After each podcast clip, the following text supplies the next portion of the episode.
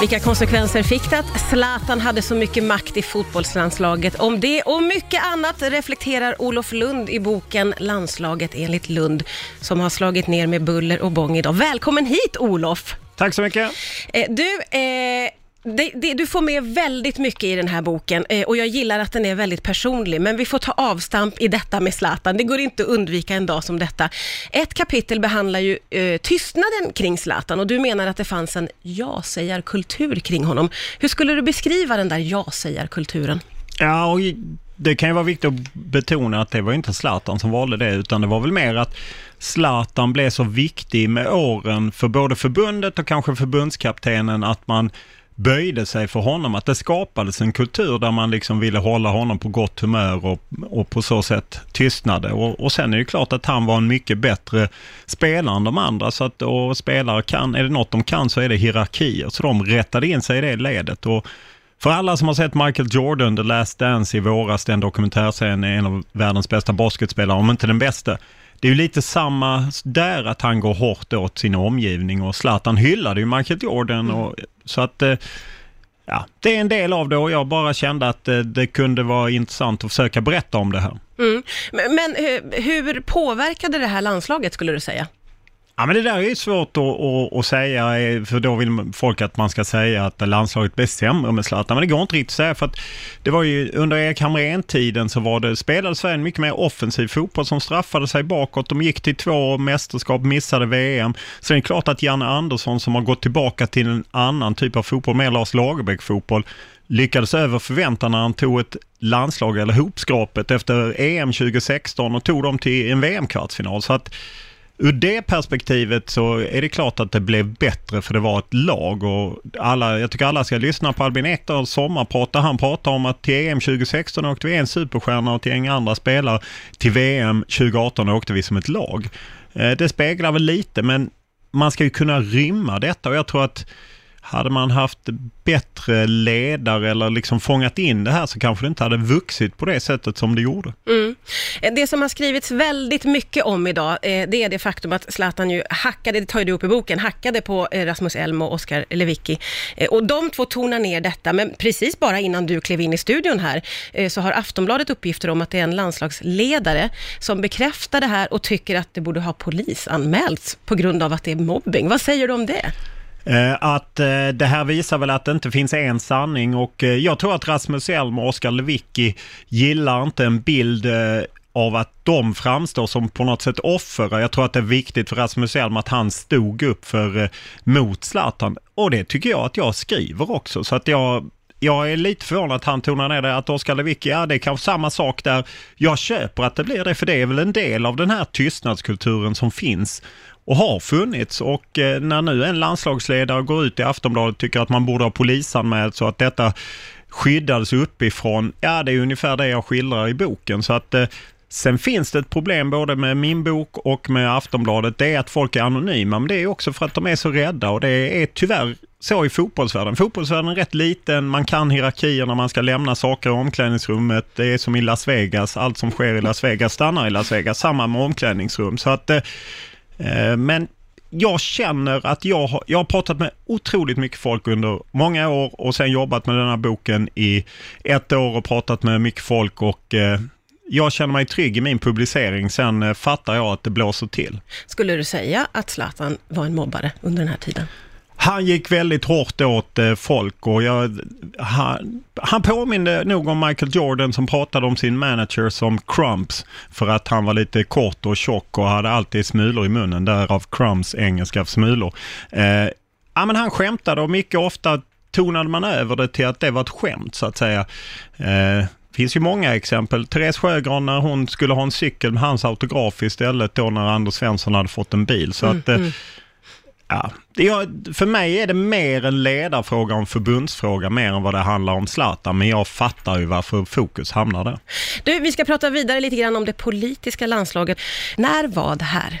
Ja, det är för 2014-2015 eh, i samband med att man får en ny generalsekreterare, Håkan Sjöstrand. Eh, då har man beslutat sig dels att spela mot Iran, eh, en träningsmatch och utbytet för att spela mot Iran som då var under sanktion från många länder och hade svårt att hitta motstånd till herrlandslaget var för att man ville lyfta damidrott och damfotboll och då fick man faktiskt hit ett, ett, ett damlandslag till slut, även om det nog var ett juniorlag. Mm. Så att man vill använda fotbollen för att liksom ta ställning om man är aktiv kring Qatar. Sverige är en av få nationer som åker dit och träningsspelar och är på träningsläger i Qatar. Ja, men, men, innan det här så känns det som att man försökte med alla medel undvika politik. Hur kom det sig att man tog det här beslutet? Ja, jag tror att det kom med Håkan Sjöstrand som eh, insåg kanske det otidsenliga att hävda att sport och politik inte hör ihop. För att det är ju det är väldigt svårt att hålla isär det. Eh, och eh, sen kan man då tycka att det är förjävligt att tävlingar går i Vitryssland eller Qatar.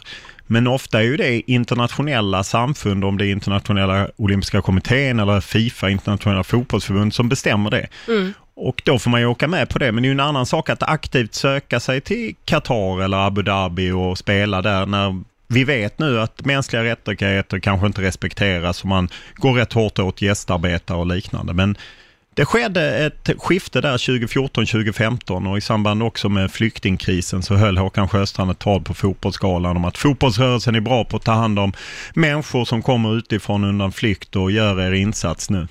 Jag tänker ju att det här kanske sätter både spelare, men kanske främst då ledare och förbundskaptener och så i en sits där man måste eh, kunna kommentera om annat än fotbollen. Vad tänker du om det? Ja, men där har förbundet lite så att man, eh, det är upp till var och en. Man förbjuder inte någon att, att prata om det, men man kan samtidigt också ta att det kan tas på ledningsnivå, att det är en generalsekreterare eller förbundsordförande som tar diskussionen snarare än Jan Andersson. Men Förr om åren så har man ogillat att förbundskapten och spelare uttalar sig. Nu tycker man det är mer okej okay att de uttalar sig om de vill. Mm. Det finns absolut inget tvång, men om man vill uttrycka någonting om en regim eller något liknande så kan man ta ställning. Och andra sporter var tidigare ute med det här handbollen som var tog ställning inför VM i Qatar 2015. Där var man tydliga och även, man ville ju spela med en regnbågsbindel. Eh, mm. Landslaget mm. Fick ju inte det för internationella handbollsförbundet. Man ville liksom aktivt använda idrotten och det tycker jag ändå är en positiv sida av svensk fotboll, att man försöker använda idrotten och inse dess kraft. Sen kanske inte jag alltid tycker att man använder den helt rätt. Alltså när har man använt den fel då? Nej men jag tycker att när man åker till Qatar och träningsspelar eller till och betalar två rätt fattiga förbund förbund att skicka dit sina landslag Moldavien och Kosovo så tycker jag att det är tveksamt. Eh, man kan åka dit och försöka sätta tryck men jag tycker inte landslaget ska åka dit och, och träningsspela. Jag förstår det som att det här är lite av en livslång kärlek för dig Olof. Hur fastnade du för fotbollen från första början? Eh, Egentligen lite svårt att säga, men jag vet ju att när jag var sex år ungefär så fick jag en Landskrona Boys-dräkt av en god vän till min pappa. Min pappa är född och uppvuxen i Landskrona, jag har bott i Lund hela mitt liv. Men då, då på något sätt tog det fart och jag minns även mina första minnen av VM är ju VM 74 och jag har liksom en, en gulblå dräkt och tycker i och för sig det är tråkigt när Sverige spelar 0-0 så jag får ut springa och spela lite med mig själv. Men... du var lite uttråkad för att det var lite långdraget där. Ja, och det, ja. Det, var, det är för lite mål och så. Men, ja. ja. men på något sätt så fastnade någonting i det och var, varför det blev så är lite svårt att säga. Men eh, när jag eh, läste i boken så fastnade jag för det faktum att du eh, tyckte att det var spännande när din pappa uttryckte väldigt mycket känslor kring fotbollen. Ja, han var en kontrollerad herre i vanliga fall, men han blev jävligt förbannad på Staffan Tapper som missade en straff, eh, välkänd, mot eh, Tomaszewski när Sverige mötte Polen eh, i VM 74. Eh, och eh, så här i efterhand kan jag tycka att eh, min pappa hade ju ingen aning om att slå en straff, så att det var kanske lite, men det, jag tror att det ja, det präglade lite av det. Det gjorde ett starkt intryck. Men det var någonting med fotbollen som fascinerade mig och som jag älskade från det att jag var liten och gjorde att jag började läsa massa tidningar och sen har det ju med åren fortsatt. Jag är fortfarande oerhört nyfiken. Sen har jag kanske mer flyttat från spelet på plan till spelet utanför plan för att fotboll är så mycket mer än bara spelet på plan. Men kan du sakna tiden när du själv bara var supporter, om du förstår vad jag menar?